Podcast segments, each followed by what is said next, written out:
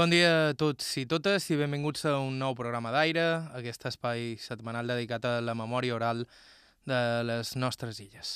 Avui amb un programa que fa olor a raïna i alzina cremada. El seu protagonista, aquest bon home d'aquí. Som Francisco Jaume Moyà, vaig néixer, bé, de Bunyola, vaig néixer en 1944, dia 4 de desembre. Paco Jaume és una d'aquestes persones que ens agrada entrevistar per aquí, xerrador i d'un humor agradable, i a més guarda en la seva memòria, amb una precisió increïble, els secrets d'un ofici ja desaparegut, però que un temps va ser un dels més habituals i importants a tots aquells pobles que vivien a prop de boscos i comunes. Un ofici que en Paco va heretar per part de pare i mare. El meu pare se dedicaven a fer carbó. bueno, mon pare se, se dedicava a fer carbó, a pins, tot aquest sistema de, de la garriga. I ma mare era sabatera, però, clar, quan se van casar, eh, van decidir fer, anar a fer carbó. L'ajudava, perquè ma mare no, no havia fet mai per la muntanya, però una vegada que van començar, ja van començar a a fer carbó i ajudar-li. I des de ben petit, en Paco i la seva germana també acompanyaven els seus pares. Quatre mesos cada any, instal·lats en un ranxo enmig del bosc, amb dues gallines, un cau moix i una cabreta. Un estil de vida que va deixar vestigis que encara avui trobarà qualsevol excursionista i que avui coneixerem de primera mà a través dels records d'aquest bunyolí de 74 anys ara instal·lat a Santa Maria. Avui a Aire parlam de carboners, sitges i la vida sauvatgina. Estau escoltant Aire, això és IB3 Ràdio, vos parla Joan Cabot, començam.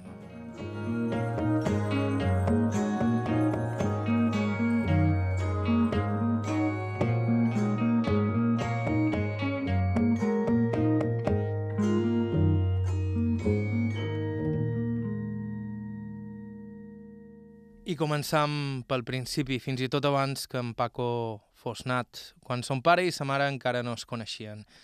I és que en Paco ja ho ha comentat, son pare era carboner, però no era un carboner qualsevol. De fet, son pare d'en Paco era un home de lletra, prou compromès com per pagar amb la seva llibertat la seva militància al Partit Socialista quan el Front Nacional va guanyar l'illa. Pare, eh, en el seu temps, eh, sabia molt, molt, llegia molt, sabia molt de llenya, molta lletra, però no em buscava més remei que fer això. Mon pare, és que mon pare va dur la comptabilitat del PSOE a Bunyol, el pastor va estar tancat. Quan va venir l'en Franco, tot aquest sistema, claro, és que eh, quan, va, quan van entrar i, i tots els que no eren dels seus els van replegar. I bé, va que no els van saber, eh? I clar, se van trobar que ell era eh, el que duia la comptabilitat de, havien fet a Bunyol del PSOE, i ell era que... I per això, per això ell i un primer els van, els van, se'ls van endur se van dur canvi, se deia canvi per mi que no la tenien tancats, allà estaven. Va anar bé, que van estar un munt de temps allà, però no, no els van matar, perquè llavors bastava poc. Però només per això, no que que no, no és que, claro, era d'unes altres idees, però no van tenir temps a cremar-ho tot i van trobar això. I ja va estar un pot tacat. Jo vaig quedar tacat amb això. Això ben vol entendre.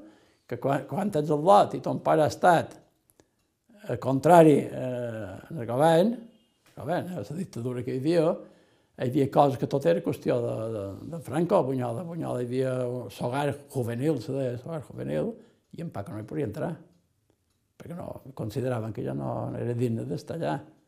Sé que t'ho vull dir. Hi havia una, unes coses, no t'afectava pes bloc, però quan te tornes gran sí que dius, conyo, jo no, tampoc jo no podia ocupar, segons me van dir, mai una, una plaça de, de, de, de pública, perquè estava, estava la meva família, era al contrari en el sistema.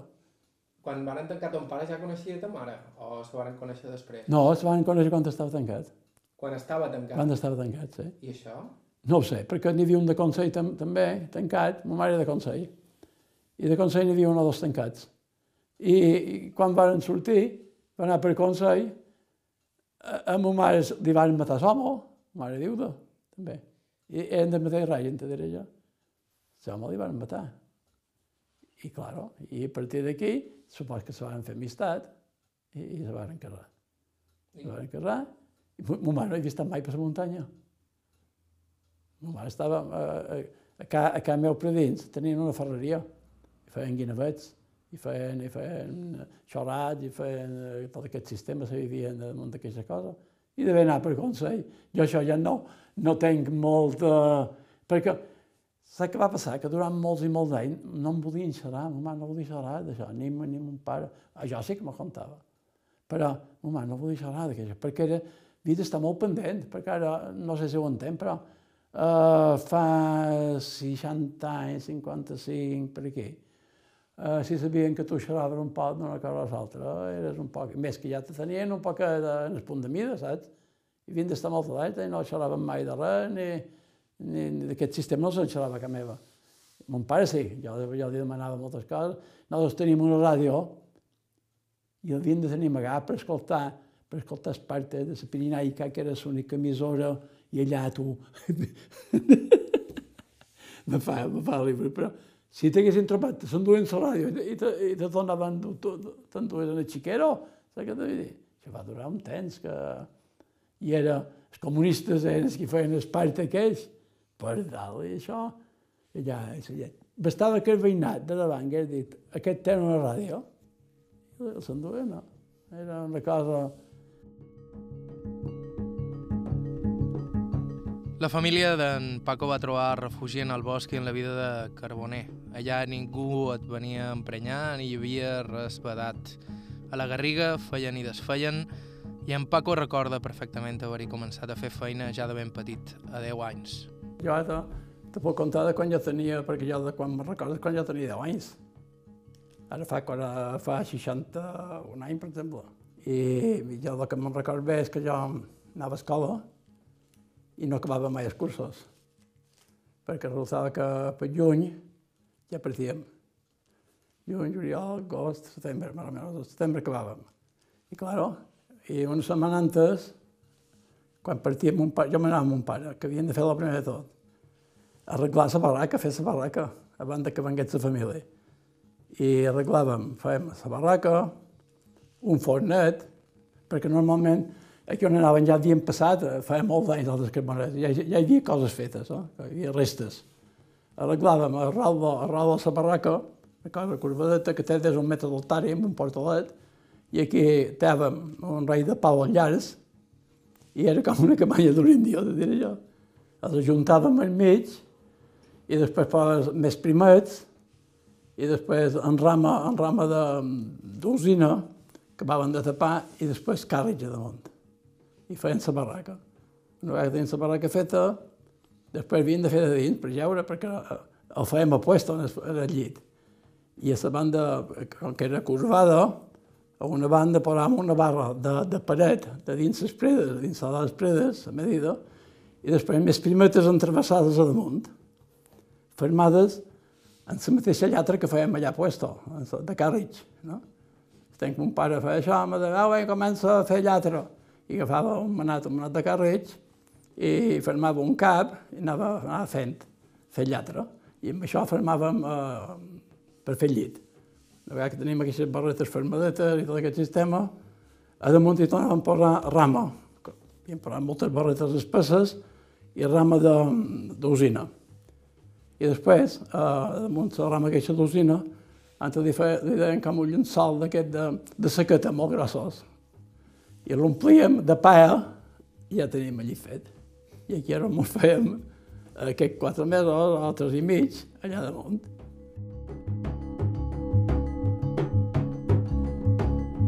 m'agradava molt això. Vam fer jove. Meu pare vendava, jo parlava amb vostè, anàvem. I, i marcaven eh, queixes 10 cortaràs, diré jo, jo exactament d'estar no sé, però era bastant grosset fins a la a, la muntanya. Era, normalment sempre eren escarpats d'aquí on teàvem. Venia aquest senyor i deia, bueno, de la parentea. Marcàvem, amb, aquest martellet que duia, era com un destalonet i la banda darrere tenia un cunyo. Això sí que me'n recordo i feien una paladeta i, i feien aquest cunya que quedava embracat. I miraven molt bé, una grossota, per exemple, les grosses se teaven, però sempre que no quedàs un bull molt gros. I, i deixaven que, que no quedàs, que el sol entrés per tot el bosc.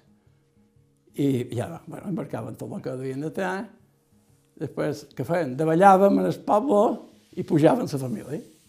La meva germana, jo tinc una germana, i que jo li guany de 4 anys, i ella també. Pujava per amunt i ma mare. Me'l instal·làvem, me la instal·lat allà, i el primer de tot havien de fer, era net, a xermà. Dèiem a xermà era fer net. Un fou som, un fou sol per am, una, un destrolor, que és un destrolor de petita, i sempre la dues colgada darrere, la banda de darrere, a la corretja. I les branques grosses, pegaves un copet, i sempre deixava rebollades, són aquelles coses que s'ajunten, moltes coses juntes, i deixaves la més guapa i tot l'altre llevat. I després crem, ho havia de cremar això, perquè havia de fer feina, això en l'estiu cremàvem l'estiu, no hi havia foguejades com ara. Cremàvem això, i després era quan venia començar a te.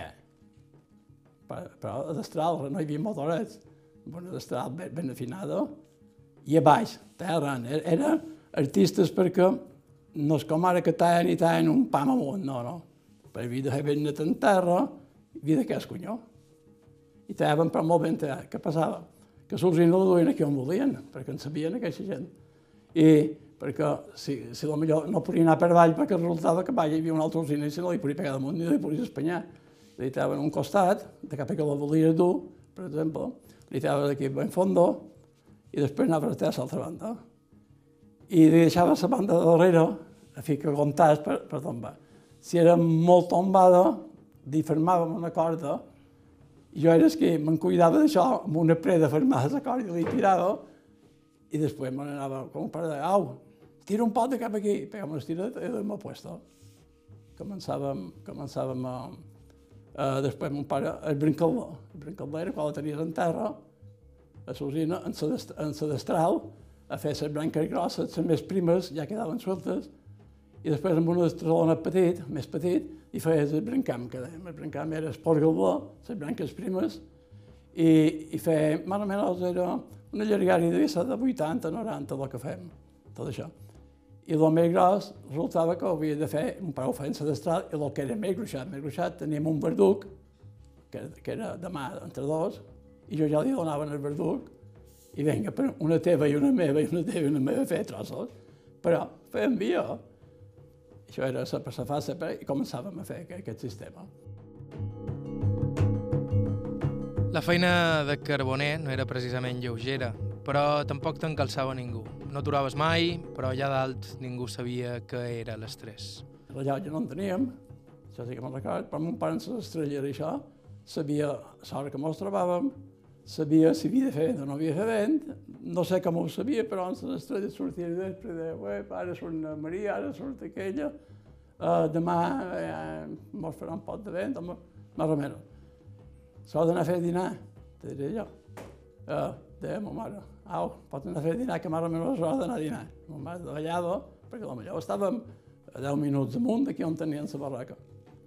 I s'anava a fer dinar, mos cridava i dinàvem. Quan havien dinat, sí que fèiem una mica de descans i tornàvem. Això era una jornada completa. Tàvem i tàvem i tàvem, i resultava que després havia de ballar la llenya a prop, a prop de, del havia, que havíem organitzat, que teníem allà. La que venia recta per avall era bona d'atracar, perquè li donàvem eh, tombos, que deien nosaltres. Agafaves un tronc i el tiraves de cap i feia pum, pum, pum, pum, i podies fer, si, si el tiraves bé, millor de 200 metres amunt em feia 50 o em feia 60 metres per avall. I grossos, no en parlem, ho envia, se la tirava. Però llavors teníem els que estaven desplaçats, que tallaves que estava bastant desplaçat. Aquests desplaçats eh, miraves de dolors a puesto, així com podies, però si no, els ataven molt de tallar grossos de metro, els ataven de 2 metres 50 o 3, i després amb una vista, amb, una, amb unes cadenes que posàvem a l'animal, i un clau li ficàvem eh, en el tronc gros i el duíem de cap a oest. I allà acabàvem de fer trossos. I, claro, com que estava neta la garriga, la garriga no és com ara. Una vegada que nosaltres ens posàvem a tallar, podíem tallar bé perquè estava neta, perquè el que havíem aixermat ho havíem cremat, perquè ens estiu fent foc, nosaltres. I a la finca també cremava, cremava escarri per tenir pastura per animals, eh, se pegava fot sempre, no hi havia foguejades, però que sabien, també sabien ja me'n recordo que també se mirava, ui, per una mica de vent, no, començaven a cremar la banda de dalt, se cremava la banda de baix, que s'havien de començar a cremar, un poquet a la banda ja teníem un sector, després un poc més avall, així anàvem fent eh, aquestes coses. Jo no, eh, els professionals que eren, mon pare i l'amo i tot aquello d'allò. Bé, i tracàvem, tracàvem de cap a, de cap a la Sitja. I jo era, també que tenia 10 anys, més o menys, 9-10 anys, i ja, ja en sabiste, a davant, mon pare me ficava esclau, du de cap allà, i vinga, al costat de l'animalet, i allà, i allà hi pegava dos cops, tornava a llevar esclau i tornava a cercar. I allà acabaven de fer trossos, perquè hi havia bergants eh, molt grossos. Quan feien la llenya també, havien d'aprofitar la rama, la rama, perquè després la necessitàvem per tapar la sitja. La rama que això el que fèiem era que la més espessa, la rama espessa, la componíem feixos un damunt l'altre, començàvem a compondre'l així, així, així, fèiem un bon feix. Després la prensàvem amb pedres, tota, ben carregat de pedres allò. Ho deixàvem, anàvem fent feixos d'aquests i anàvem fent feina i tot. I l'escorxa també que fèiem. També feien l'escorxa perquè l'escorxa tenia una mica de preu també. I se venia. Ma mare és que feia l'escorxa. I teníem un ensull, ensull de, de, i una palanqueta quan havia d'encetar i passava així perquè se n'anava, perquè tenia saba en, aquella, en aquella temporada i fèiem escorxa. I la deixaves i feies caramull d'escorxa i després també la s'enduent. Pels carboners a la Garriga la vida girava al voltant de la teva barraca i la teva sitja, un poble unifamiliar i temporal. I de sitges, precisament, en parlarem d'aquí una estona. Estau escoltant Aire i Vetres Ràdio, fem una breu pausa i continuem.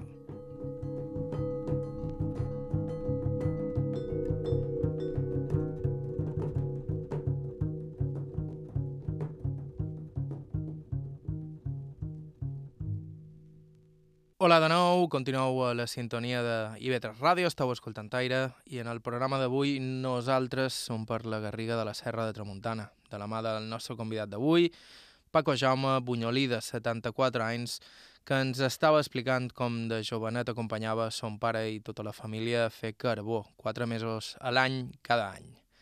A la primera part del programa en Paco ens explicava com preparaven la barraca i començaven a tallar alzines, fent rodolar troncs camí de la sitja, eix de la vida de Carboner. Tallaves durant una bona quinzena de dies i després venia el moment de fer el carbó.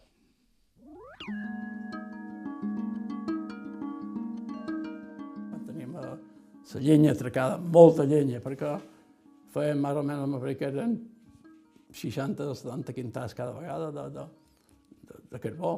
Eren sitges grosses que fèiem. Quan tenia molta llenya, que feia 15-20 dies que tallàvem això, i a més, vespre sempre, la feina no s'acabava mai.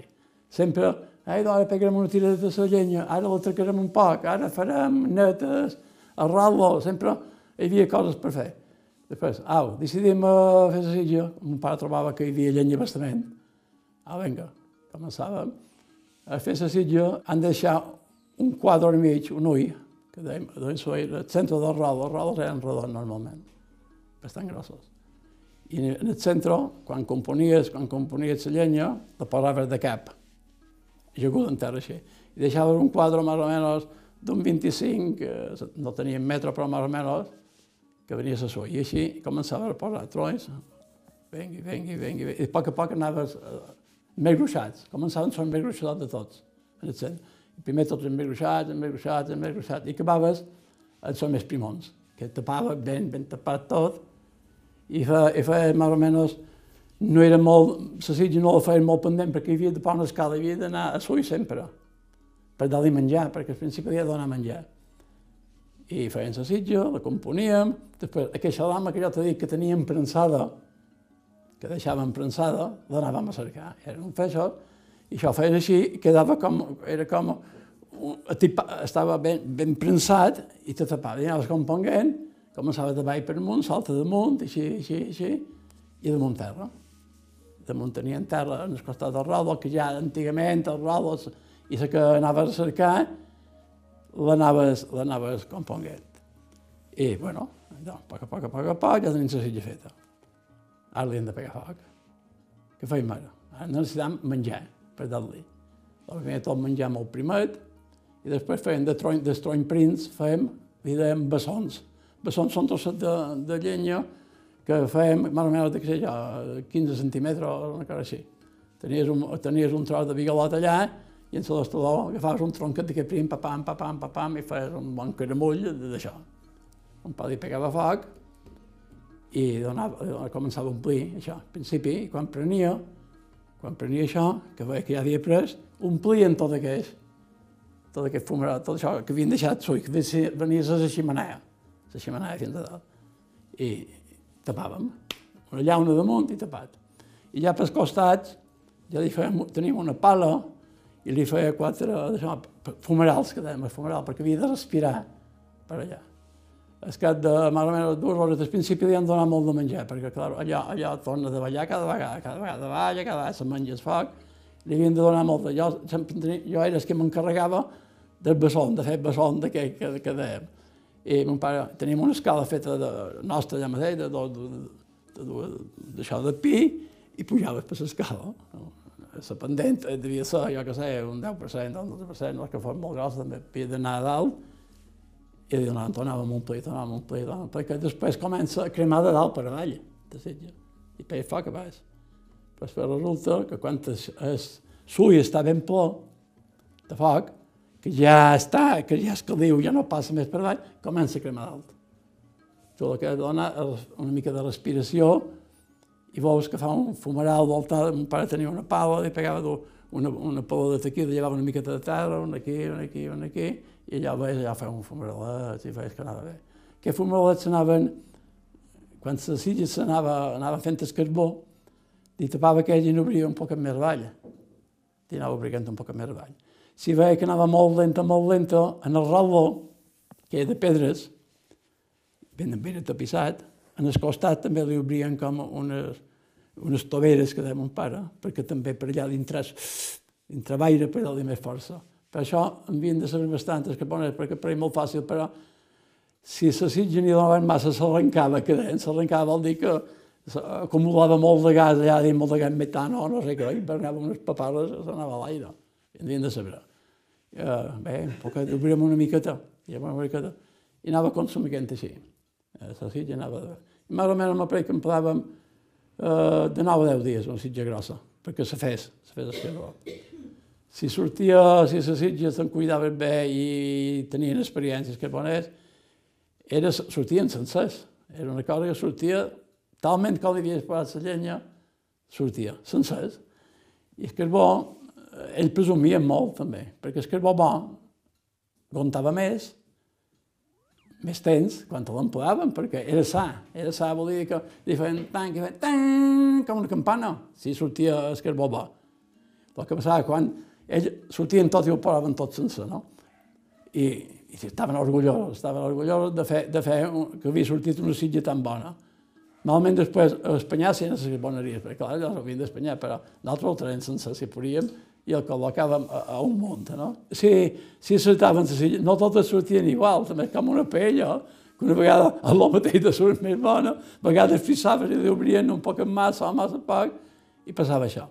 Si s'arrencava, com deien, hi havia un problema, que era que gastava i s'ho menjava. Vol dir que no, no, no feia bo, sinó que per lo que fos, s'ho menjava i feia, i feia un, un clot, i ho havia d'omplir, però correguent, de llenya una altra vegada i tornen a tapar, perquè si no allò s'hagués anat tot el carajo. I l'orgull que tenien és que, bueno, és competència, ells amb ell, com t'ha sortit d'aquella sitja? La meva, tal qual. Perquè n'hi havia qualque vegada, jo me'n recordo un pic, un amor va, va començar a fer pets i coses rares, i el carbó més gros era així, perquè et pega unes castanyes i se la venta per tot. I aquest carbó és bo, però no és tan bo com saps què t'he de dir? Ara estem que covia la sitja, seguien fent feina, tallant, i de tant en tant pegar un vistazo correguent, anar a veure la, la, la sitja, per fora, que pare, en vez de mirar com està la sitja, i, i anaves allà, i vigilaves que tot està correcte, i te'n tornaves a fer feina. A vespre t'havia d'aixecar un parell de vegades en la nit, això fins que, fins que menjar d'ella. Una vegada que ja no menjava, ja és vigilància més de que no, no se fes un forat.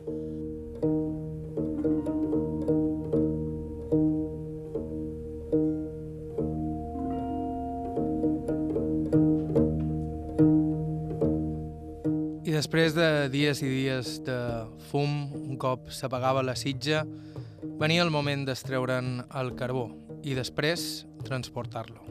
Ja tenim la sitja que m'ha anat bé aquest pic. L'hem de triar, la sitja, l'hem de llevar de puesto. Uh, quan acabava de fer un per tot, tapava, tapaves tot pels costats, així que no, que no hi hagués cap escape per lloc, i la tenies un dia perquè refredàs una mica. Després teníem una, una pala en punta, empleàvem una pala, un rastilló fet, fet seu, i ho tenies allà. Perquè aigua no empleàvem per això. I em parava per fer, i fèiem una volta a la silla, traient, carbó, no?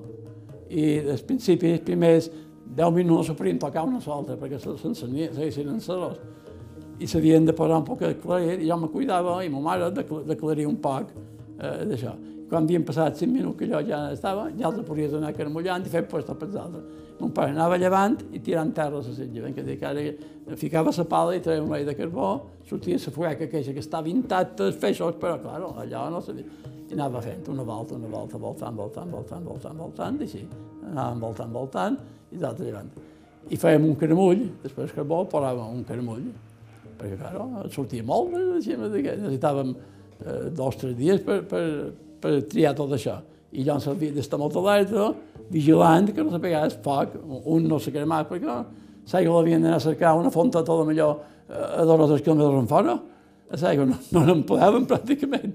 I, claro, i estava molt alerta. I el primer pic que triàvem, un pare sortia un parell de vegades per veure si havia... Els vespres volta duració una miqueta d'algo per veure i, i sagea, ben que dit. I això era una fase de, de fer carbó, una de les principals. I així anàvem fent. Avisaves, venien els carros.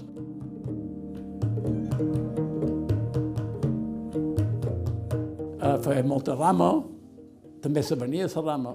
La rama se la veníem en aquelles tauleres que l'empleaven. I te posaven, te posaven en contacte. Bé, ja venien, ja sabien que ja se feia una ranxada, ja venia l'amo de la taulera, mam, ah, aquesta llenya que heu de fer, si l'heu de cremar jo la m'enduré, el que passa? Mon pare, no, no, no l'hem de cremar, l'hem de vendre. Te donaven molt poc, però almenys te feien ben net. A tantes feix, me'n recordo. Era molt poc el que me donaven. Però feia un feia aquell home que no el podia dur, el havia dur rossegant de cap en el carro. I, i també m'ho feien. Bueno, avisaven que venien a cercar el carbó eh, nosaltres una alegria perquè no veien ningú. I és que de, que dia que venien els carreteres, venien els carros i venien a cercar carbó i venien i, i nosaltres anàvem a esperar-los perquè eren com a salvatgets i alegria, ara que som. I duen unes sarris, se deien sarris, aquí on parlàvem del carbó, que de, eren com a, com a barques, era tipus barca d'això que fan les senades d'espart, i allà de dins eh, omplien de carbó, ben, ben po, ben po, i damunt eh, grossos, i llavors ho tapaven amb, amb una saqueta, ben fermat. Després venia, havien de pesar, pesar allà. Eh, venia l'amo, o l'amo enviaven un, un home de confiança, perquè, claro, i feien un de allà, i sí, hi havia dos homes, una barra, un aquí i un allà, i l'amo és qui manejava la, eh, la, la romana. Això anava per, per robes, per, i anàvem mirant, mirant el sistema espès. I jo me'n recordo que sempre un pare em deia, has de mirar que la romana estigui ben plana, perquè la fan per avall i clar, s'enduen un munt de quilòmetres més. M'entens? I, I jo, no està plana, clar, una dona de les que perdo. I, i que, clar, no està plana, no està plana. I la contaven, sempre la contaven la mà per damunt perquè la corrupció no és d'ara, la corrupció, això fa de, de l'any de, de, de sapera. I aquell home, si, si diguessin llevat la massa romana, pegar, espera haver sortit per alt, perquè eh, hi havia ja 40 quilos de més, segur, cada, cada vegada, si no anava viu. I, i, i has de vigilar que estigui ben, ben anivellada, mare nostra romana. I, bé. I pesaven i se n'aduien. I sempre havia de donar també un poc més, perquè deien saps que ja deia, per què li heu donat aquest quilo de més? Perquè en sot sotrats, els carros i munt i baix, tot eren problemes sempre. I se'n duien, venia a cercar tot el carbó i començaven l'altre, l'altra tornada, així. I, i estàvem, fèiem unes quatre o cinc sitges grosses, aquestes. Després també fèiem fontacals, també allà, normalment. fèiem font de calç, aquell home s'enduia part de, de, de, de, de, de lo que havien teat, i un altre, que hi havia competències, que t'ho vull dir. Ara ningú vol res, tot ho deixen, però llavors tot tenia un preu. Normalment fos un cèntim. I també hi havia un font de calç i normalment aprofitaven quan feien una ranxada de queixes per fer un, un font de calç. I, i feien una cuita, i perquè la cal també era una cosa que s'emplava molt, igual que el carbó. Ha de comptar que tot funcionava en carbó eh, fogonets, eh, a Bunyol hi havia, per exemple, una carboneria, a Palma n'hi havia 50, a cada poble ben que el carbó no en feien abastament i eh, tenia un valor. I quan vàrem deixar de fer servir carbó, també vàrem deixar de tallar alzines. I encara que sembli contradictori, a la llarga probablement aquesta hagi estat una de les majors causes d'incendis de les darreres dècades. I és que els carboners mantenien la garriga neta. Creixien molt, eh, els arbres creixien molt perquè s'expandien. Ara no, no se poden expandir mai, perquè se peguen una en l'altra. I quan, i quan, i, i, claro, aquí llevava la usina grossa i aquí n'hi havia una de petita, i aquesta petita se feia no, i agafava, agafava un vol moments i ara han de créixer per amunt, com una selva. Posta, els bots no, no són guapos ni són d'això. I els bots, i si puc menjar per de dins, per anar per tot, quan te'l deixaven els carboners. I així te passaves durant quatre mesos, més o menys tres mesos i mig, quatre, segons la lanxada que agafaves, i, i després sempre quedaven a fer feina. Un parell encara quedava a la finca, perquè després hi havia voreres que eren duestres i a canvi de que ho fessin net, te donaven el carbó per tu. I què feia? Per quan acabava la nostra, quedava tot sol amb un cap, però ja no tot i començava a fer net aquest, aquest sistema i tot, tot el brancam i tot això, tot, mirava de fer un sitjó després i encara guanyava tant de tot bé fent això com així de ser. I jo li deia, com ha anat enguany, mon pare m'ha anat bé, hem menjat i hem begut, ben que dic que no, fortuna no em fes cap amb això. Hi havia una competència de preus, com, com ara. Però això com funcionava? Anaves a l'amo de la finca i li deies jo te donaré tant no, no, que no. jo tregui? O era ell que te deia jo vull tant? Ell, ell i el senyor eren els que, els que tenien el fandango i necessitaven, necessitaven un carboner. I el carboner anava a xerrar eh, amb ells i te deia, mira, mam, hem de fer un, deien una ranxada, una ranxada, I, però eren usines guapes també, no és com ara, hi havia unes bergantes, eh, perquè s'expandien i bé, encara n'hi ha d'aquestes usines. Per la mata de Bonnava, no sé si heu estat, per allà, eh, encara hi ha unes usinotes que d'un mal van dir una sitja. Aquí és que van poder petardos per, per, per això, per, perquè, clar, el xolat no bastava. El verduc que t'empedàvem, vam haver de soldar un verduc en l'altre, i després va venir un tio i feia, i feien una mica de forat i rebentar perquè era una cosa super grossa, no? aquestes usines que hi havia, que ara estan protegides, n'hi van quedar un parell, un parell a prop de per les cases i tot això, i estan protegides ja aquests animals. I, Claro, i negociaves amb l'amo i el senyor. El senyor deia, mira, hem de fer això, això, com mos pot fer el carbó? Tant, 20 cèntims, 30 cèntims, ja, ja, ja això és que no t'ho puc dir perquè no me'n recordo, però eh, era poca cosa. I una vegada que havíeu tancat el tractor, se donaven la mà i, i, i ja t'ho feies això. I aquest senyor venia, de Medi Ambient, que jo me'n recordo que no hi havia Ramon, i vigilava així mateix, vigilaven, tampoc, si, no m'hi sentava, no, no passava res, però perquè el carbonet a vegades també tenia més vista que, que res, no? en el bon sentit que millor aquella que havia marcada eh, si quedava, no quedava flot tan gros que doncs, si la deixaven fer i no la taven també. Jo me'n recordo que un pare un pim va dir no, aquella no la tocarem perquè si trobem aquella aquí queda un, un forat molt gros i molt fei, ha de quedar... I, i, i, aquests, i, i aquests bots en, amb 10 anys, 12, i tornava a una, jo he estat, i, i tornava a unes ruïnes enormes. Uh, era com el manteniment de... Manteniment de la finca. De, de la finca i de, de, de, I del bosc. És que el bosc... Abans no hi havia incendis precisament per això. No, perquè, no... perquè pegaven foc. Un pare sempre va dir, tots tenen que pegar en foc, no hi haurà incendis. La base està en sofenet i cremar.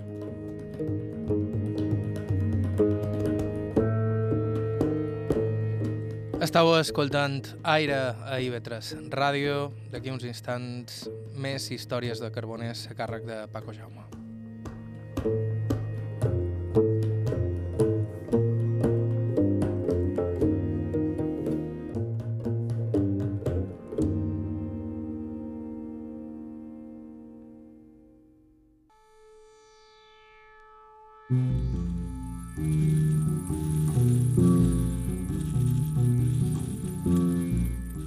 Hola de nou, continueu a la sintonia d'aire, això és IB3 Ràdio, aquest espai setmanal dedicat a la memòria oral de les nostres illes.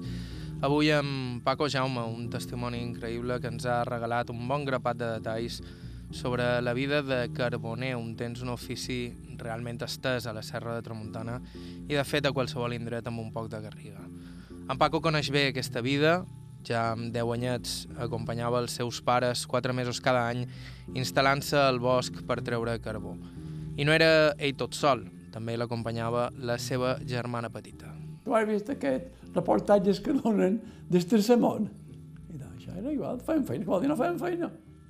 De petitó, si no podies dir una gerra grossa, no se caiga tu, és un parlat petit. Si no podies fer una cosa, fes una altra, perquè com que veus que tots ho feien, que, que tu saps, quan, quan ets petit també vol fer coses. Jo em vaig pegar una destelada aquí i, eh, i que em vaig xapar tot això. Per què? Perquè no tens um, això, no? i jo veig mon pare que feia pam, pam, i jo te vaig tapar per de dins també, i ens va enganxar, me vaig fotre un... bé. Però això, cap problema ni un, una escorxa de pi a damunt. I, i en benet, m'entens? Uh, perquè desinfecta l'ho vist de Pinotell, d'aquest Pinet joves, eh, per una ferida es dir que era molt bo, perquè quan va anar al metge va dir això està bo. I vam dir, que fer un pas de donar, eh, tranquil, tranquil, vine aquí, vine aquí. Pum, pum.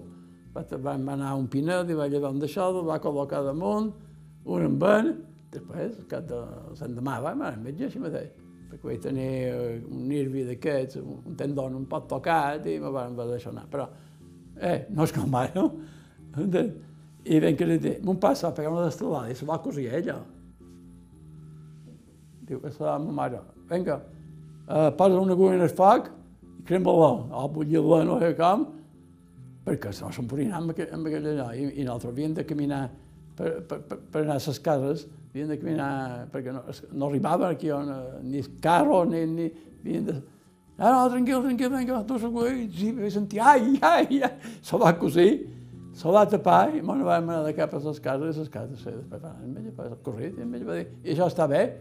I va dir, això està bé, ho ha desinfectat, diu, he fet el que he pagut, i ell ho va acabar de desinfectar, i va, vam dir, jo de petitó sí que me'n record que jo era molt corrioner, dir, així com de gran no he caçat mai, quan era petit, claro, com que allà hi havia, eh, era que aquestes fontes, deien fontes, que no me que eren eh, canalitzada, que millor aquí hi havia un ovelló, un ovelló aquí on surt aigua, però n'hi havia que en l'estiu s'acabaven.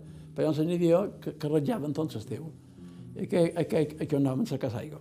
I era un siqui, i aquí sí que jo, mon pare feia en visc, que ara està privat completament, però en aquell entonces no estava privat, i jo me n'anava de matí, eh, i mon pare deia, vols, ho has fer així, has de parar brins així, així, així, així i ara he d'anar tapat d'altres persones perquè no hi va ser I feien agafades de gorrions i, i els amors menjàvem perquè era per sobreviure pràcticament. Això s'empleava molt també.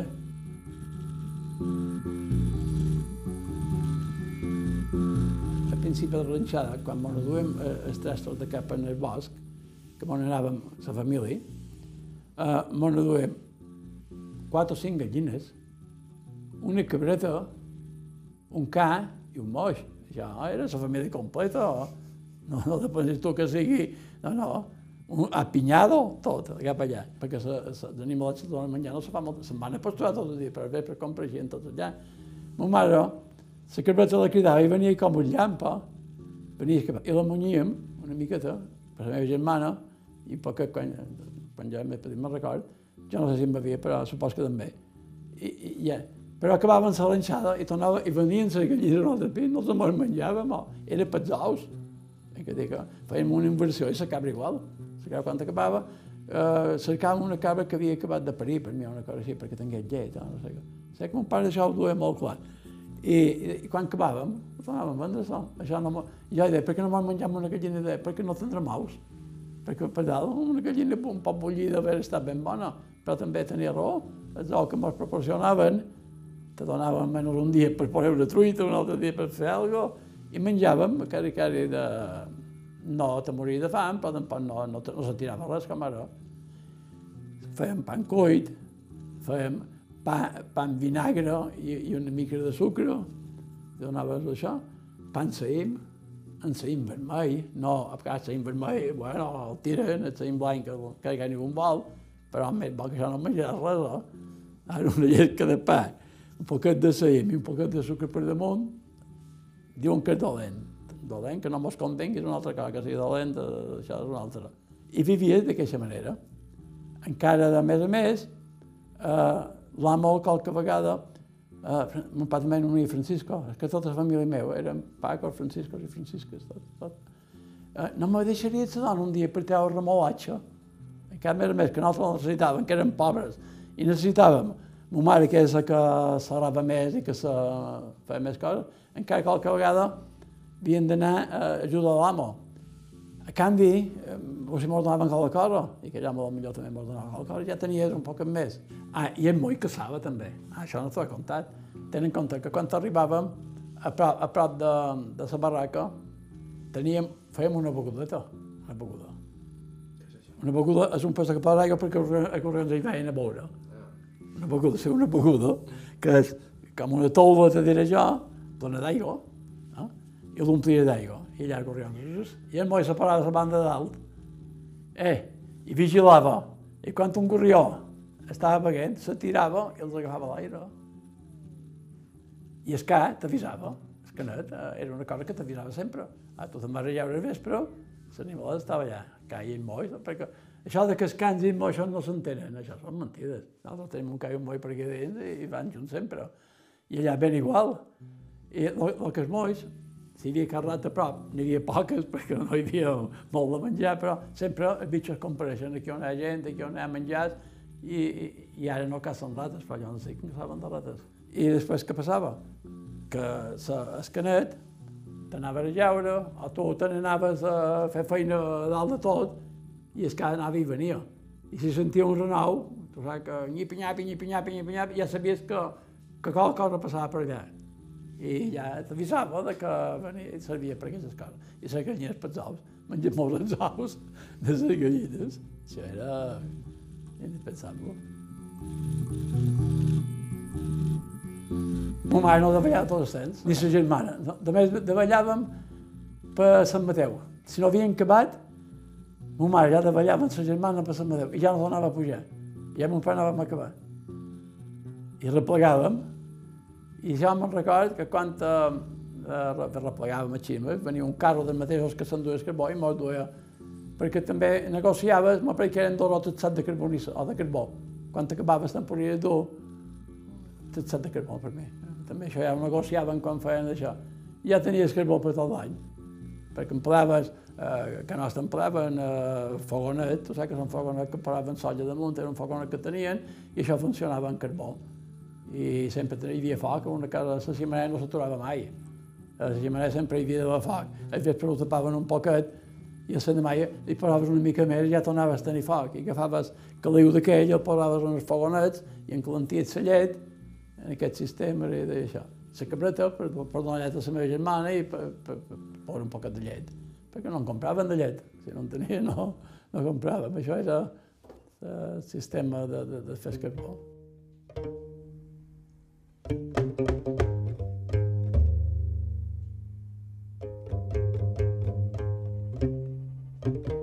Encara una anècdota més de la vida de Carboner a càrrec de Paco Jaume.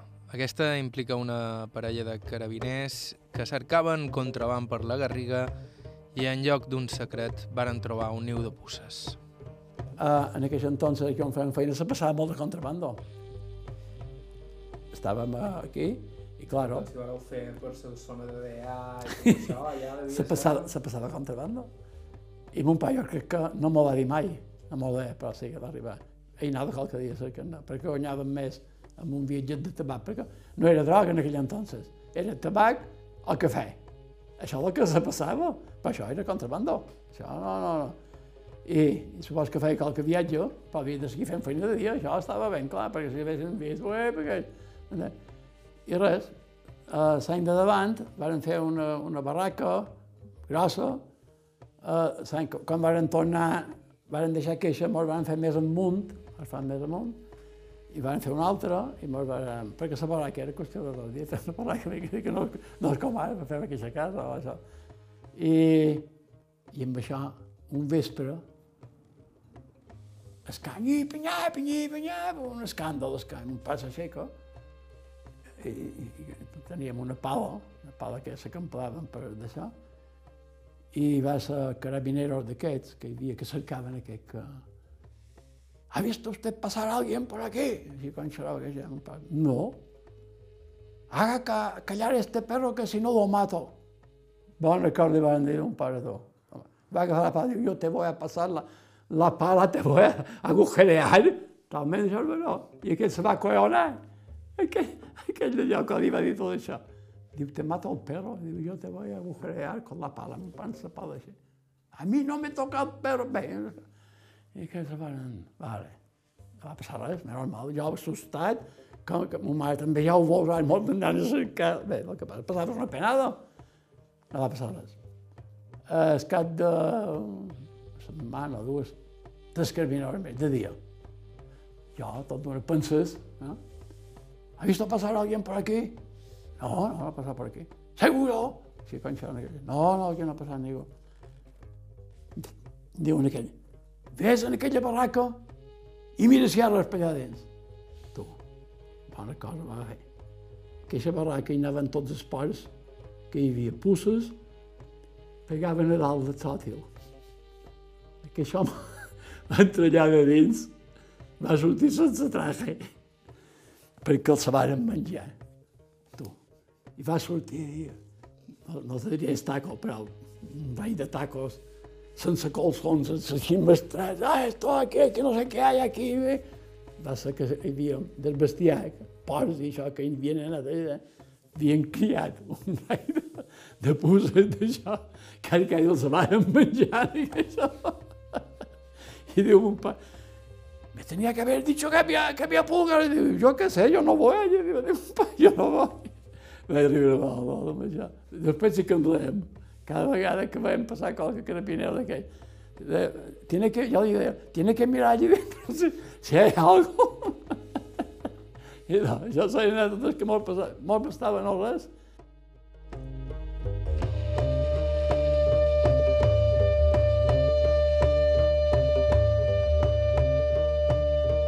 Paco Jaume passava cada estiu quatre mesos a la muntanya i després d'aquells quatre mesos de perfecta sintonia amb el bosc costava tornar a la civilització. En aquells quatre mesos s'havia convertit en un petit salvatge. Sentia en Renau, ja me'n recordo que sentia, la meva germana deia, he sentit Renau, i jo davallava, davallava del cap de dalt per veure qui era. Hola, què tal? I d'on sou? No, no, d'on sou? Som de Solla que hem vengut per aquí. Ah, molt bé, nosaltres venim per aquí. No, i més, jo també me'n recordo que quan, anava, quan tornava a escola, era com a mi sou vegeta, en el bon sentit de la paraula, que no sabien queixar segons quines coses, ja me vaig arribar a donar compte, no? Que si un tio ja podria ser un elefant, jo li deia, te pegaré una preda, que no, no, i era bona perquè, clar, no tenia res que fer, que el clar, te passava mi, zim, zam, zim, i hi havia predes per tot, no és com ara, no trobar una preda en tot, tot Santa Maria, però llavors, per poder, a que dir, que eh, desconnectat quatre mesos, l'any davant quatre mesos més, tres mesos més, ens hi ven un poc que li ajudava. Més normal que un pare va, va tenir, un, tenir un bon cap. No, tu has d'anar a escola, em va dir. I Paco Jaume va anar a escola i va estudiar i es va convertir en constructor i constructor va ser fins que es va jubilar. Nosaltres ho deixam aquí per avui. Moltíssimes gràcies a Paco Jaume pel seu temps i la seva amabilitat i moltíssimes gràcies també a Joan Santana, que va ser qui ens va enviar un correu electrònic suggerint-nos a entrevistar-lo. De fet, vos recordant que si teniu alguna proposta d'entrevista o qualsevol altre suggeriment pel programa, us podeu posar en contacte amb nosaltres via correu aire.ivetresradio.com o també a través del nostre perfil a Facebook o Instagram. Nosaltres tornarem la setmana que ve. Si voleu tornar a sentir el programa d'avui, ho podeu fer a la ràdio La Carta i vetrestv.com barra ràdio o bé subscrivint-vos al nostre podcast a qualsevol dels serveis habituals. Bàrbara Ferrer i Margalida Mateu, la producció executiva, Avui és el darrer programa de la producció tècnica d'Alberto Guillén, aquí trobarem moltíssim a faltar. Així que en Alberto i en Paco Jaume li dedicam aquesta cançó d'Escarboner cantada per la Sebastiana de Son Roca. Us ha parlat Joan Cabot, fins la setmana que ve. Diu mon pare carbó va fer fins a l'hora de morir. Carboner me va fer mi perquè ell era carboner. Dins el cor d'una usina, avall d'una muntanyeta, allà hi tens la barraqueta que esto quan me va deixar. Matar-me en pare en el fred, ombra me fan ses usines i un aigua de ses més fines se fa embrolla quan tens set. M'enduc el carbó ciutat per vendre l'home passeig, de sentir trulles te veig, n'estic pront a marejat. Domer fris de despatxar, de tant que van torn per tornar-me més dijorn a dins el meu osinar. Un mot de lletra no sé, ni sé que coses escriure, en sol meu modor de viure, res d'això he de m'estenc. Allà jo no estic tot sol, allà hi tens la meva dona, que és de garrida i bona i brilla com el sol. Un infantó que tenim és com una meravella, sa dona i aquella estrella a lo que jo més estim. I quan veig lo guapo que és, per no posar-li més cara, me rensa mans i sa cara, i mil vegades el bes.